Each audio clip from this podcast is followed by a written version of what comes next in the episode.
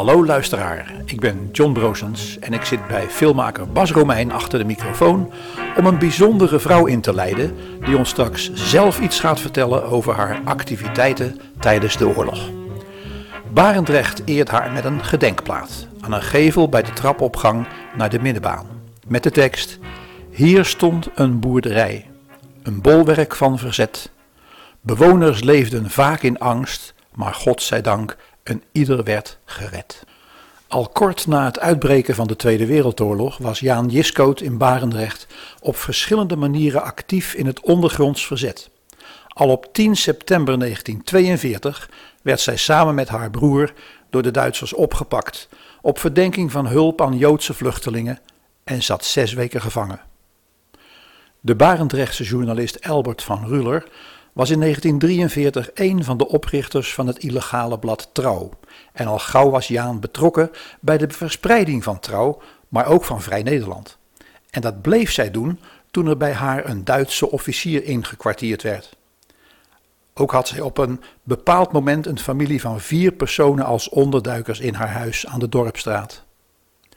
Tegelijkertijd werd haar huis steeds meer een uitvalsbasis en rustpunt voor de verzetsgroep van Johannes Post, waarbij ze ook zelf in actie kwam.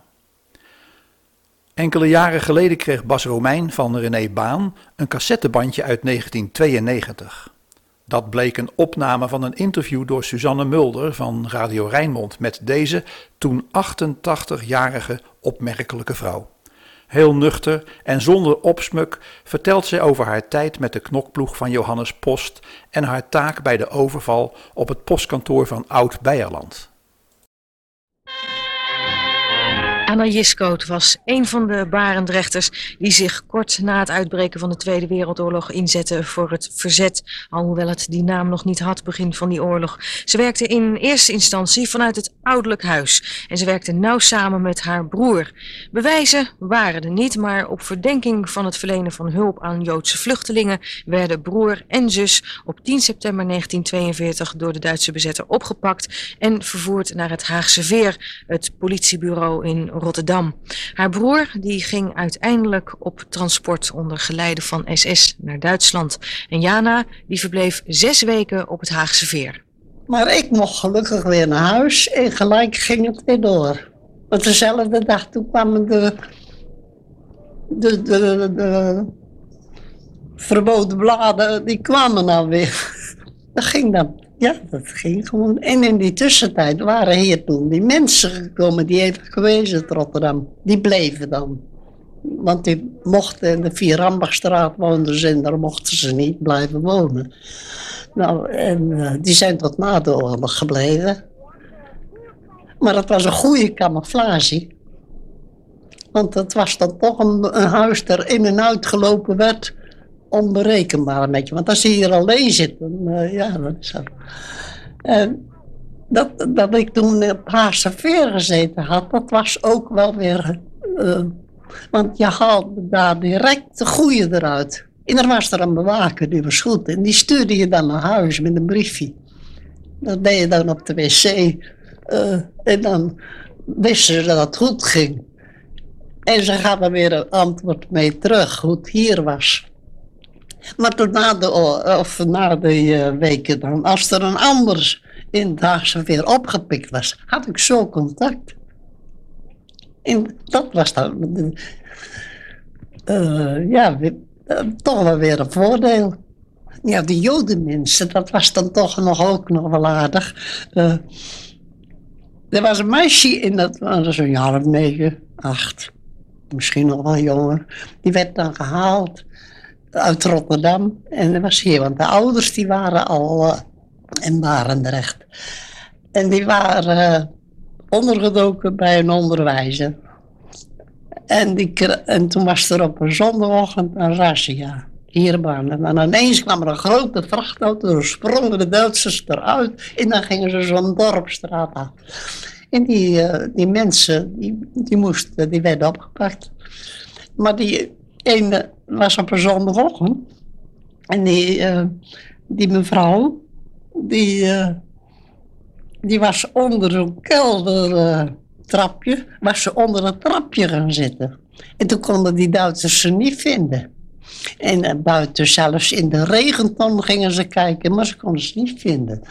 En toen waren die Duitsers weg. Had ze een buit gezeten onder een trapje. En toen kwamen ze bij mijn zuster, die woonde in de Voordijk. En uh, helemaal ontdaan. En, nou ja, hebben ze weer gerustgesteld. En toen is ze, hebben ze had je de tram, die reed nog naar... Uh, en dan had je daar een pad en dan uh, liepen die mensen naast die tramlijn naar de achter, achterweg. Door snee een heel stuk uh, af, anders moest je over die eerste baan ze weg. En toen gaven ze een bijbeltje in de handen. En toen was net of ze zondagochtend naar de kerk ging. Toen gingen ze dat trampad uit. En daar had ze dan, die straatweg gehad stemmen kennis. Daar ze dan weer onder kon maken. Maar toen was ik op Haarseveer, dan mocht je, werd je gelucht. En dan liep je, je mocht een kwartier buiten, moest je lopen, maar je mocht tegen de Joden, mochten wij niet omgaan. Dat was verboden. Maar dan liep daar iemand. Dat was net die mevrouw die dan mij met dat bijbeltje weggestuurd had. Als twee druppels water leken het dus op elkaar. Maar, dus dan liep ik er langs en dan zei ik, ben je zus van Roos? Ze heette Roos. En, uh, en dan de volgende keer zei ze weer ja. En dan, zei, dan kon ik weer zeggen, uh, ze is veilig. En dat weer derde uitzending van de Weg naar Kralingen over Barendrecht. Verder met de nu 88-jarige Jana Jiskoot. Onderwerp van gesprek is uh, de rol die zij uiteraard samen met anderen in het verzet heeft gespeeld. En dat moet je altijd weer benadrukken, samen met anderen. Want niemand die zo'n rol gespeeld heeft, wil op de voorgrond geduwd worden. Een van de dingen die ze gedaan hebben, dat was toen het bericht doorkwam dat bewoners van onder de 40 jaar te werk gesteld zouden worden in Duitsland. En toen hebben ze maatregelen genomen bij het stadhuis. En dan hadden wij contact op het gemeentehuis.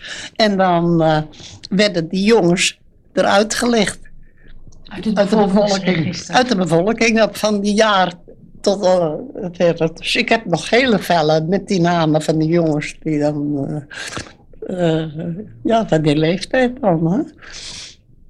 En toen in 44.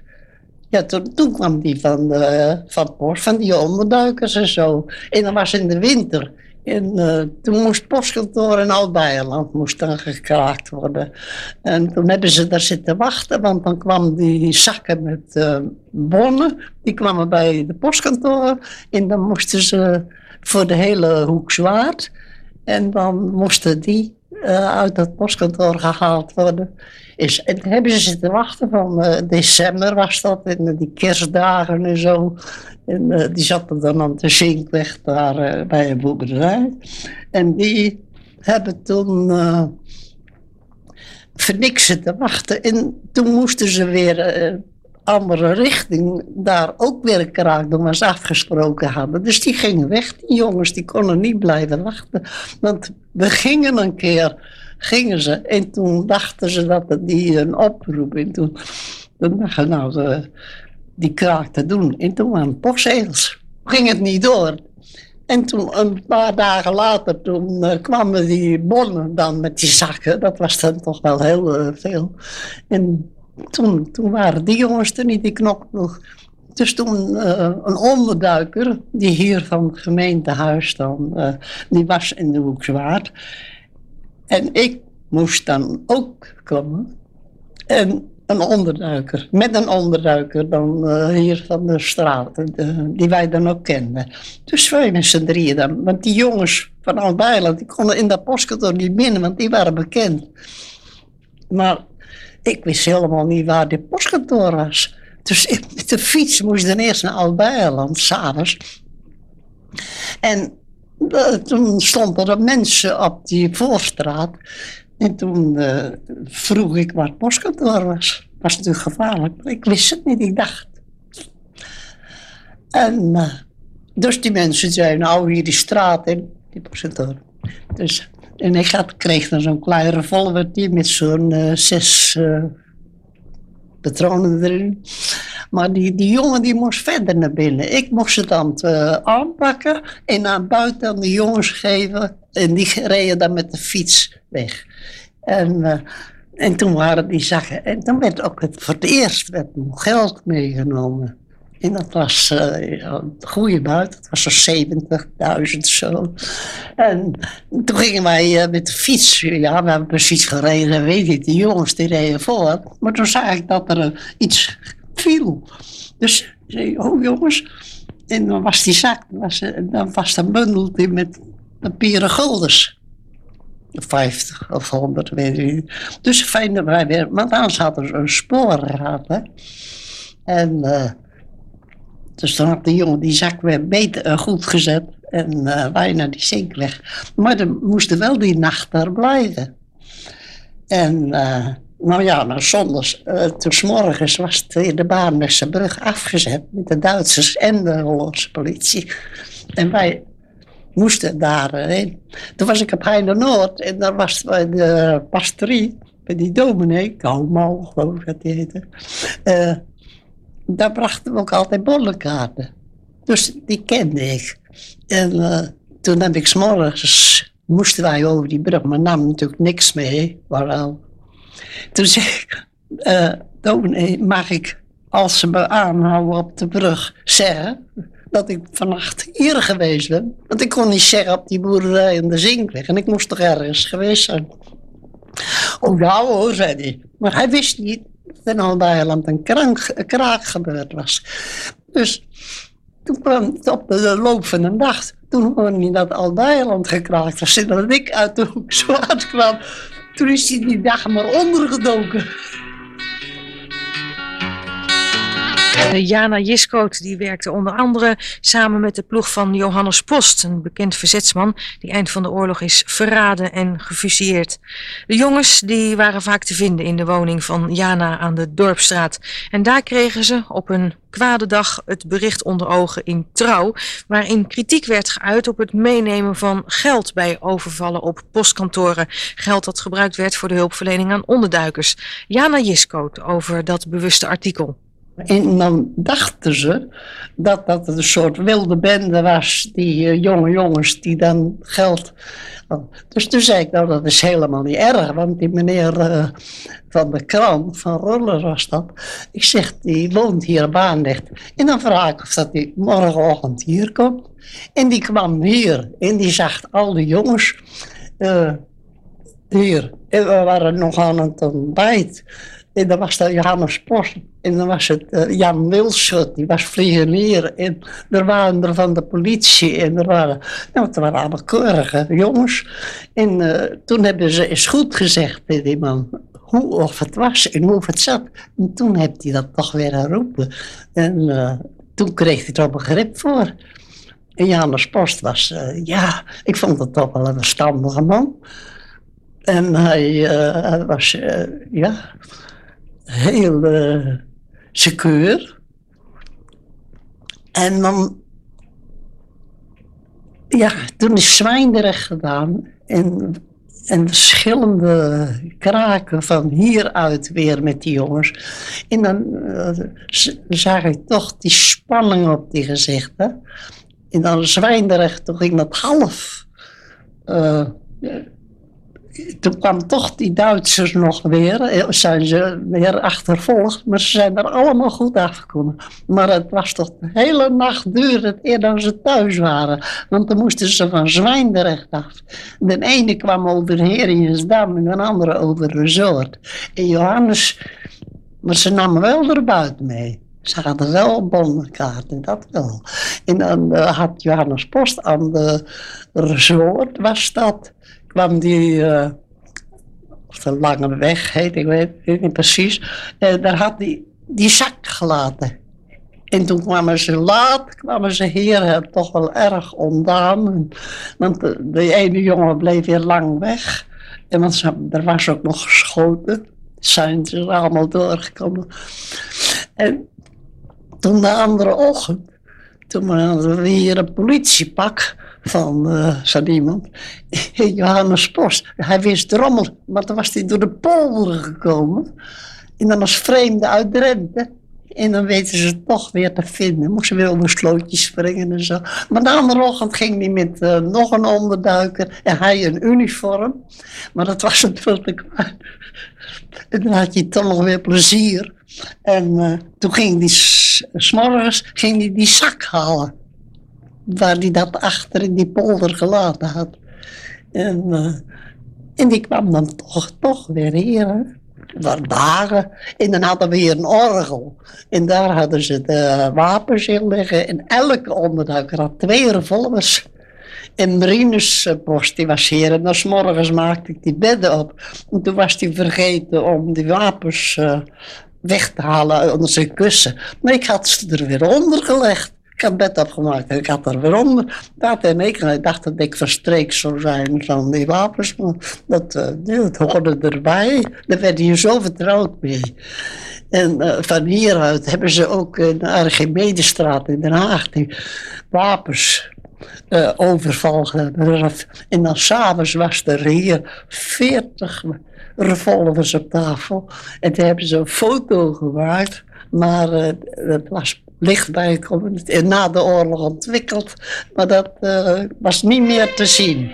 Maar, uh, en dat werd dan onder de knokploegen, werd dat dan. Maar de voorraad werd wel hier op zolder gedaan. Ja, Veldman, die kwam dan uit Breda dan weer voor, voor zijn ploeg. Eh, wapens halen en dan probeerden die. En toen was die boven bij die schuilplaats bij mij en uh, toen ging dat wapen af naar beneden. En ik schrok, want dus hier beneden zat die oude mevrouw, die zat aardappelen of uien schoon te maken in de kamer, bij haar dan. En uh, toen was die net door die zolder bij haar op de vloer geketst. En die schrok, en dat ze oprees. En toen kwam ik beneden, want toen schrok Het was de richting van dat kamer. En, en toen zat ik van, wat is dat? Zei ze. Ik zei, oh, ik had een flesje. Dat liet ik kapot vallen. En ik zoek naar dat kogeltje. Kon het niet kunnen vinden. En dat was dan wel zeil, maar het was wel onder dit zaal, was een betonnen vloer. Dus dat ketste toch wel. Ze zei, het ketste hier meer. Heeft u persoonlijk angstige momenten gekend in het verzet? Uh, heel weinig. Heel weinig. Uh, echt uh, dat je dan ziet. Maar je voelt toch dat je dan weer bewaard moet blijven. Want wij gingen, dan ging ik trouwen. Dan kreeg ik elke keer een hele stapel. En die bracht ik dan naar de koedood. En uh, toen was het een storm. En ik had een doekje op mijn hoofd voor de wind, voor je haar een beetje bij elkaar te houden. En ik reed op die hoge dijk. En achter op de fiets zat dan een uh, stapel trouwkranten. En uh, toen zeg ik tegen... Dus ik ging naar de koedel toe. En toen stond er ineens een Duitse wacht. En daar jongens omheen. Uh, zoals dat dan is, van zo'n jaar of 17 of 16.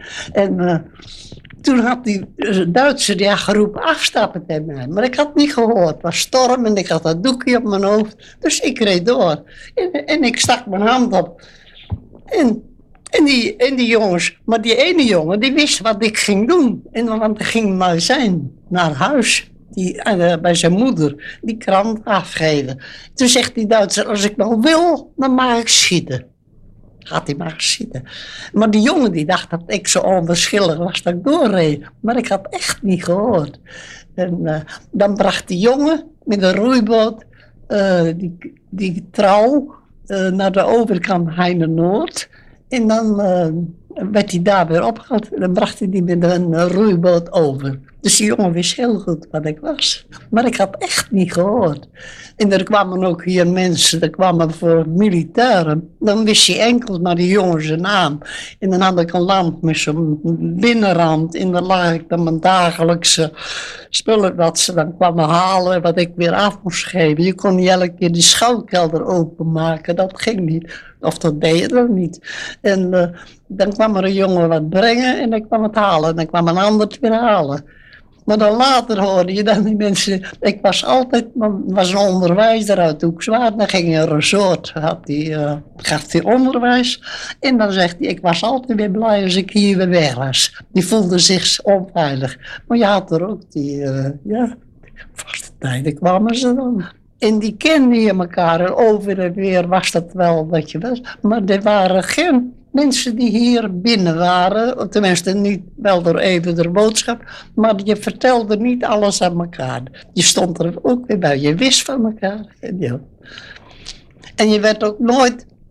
Zet ik namen ergens. Als ik uh, een, een, een vijfwinkel bijvoorbeeld, dan zette ik een vijf. En als ik uh, de dominee, die kreeg ze dan ook, en was er weer O, dan zet ik een, een, een dat, geen volledige adressen zette je in de boekjes. Maar je wist wel waar elke keer die bonnen.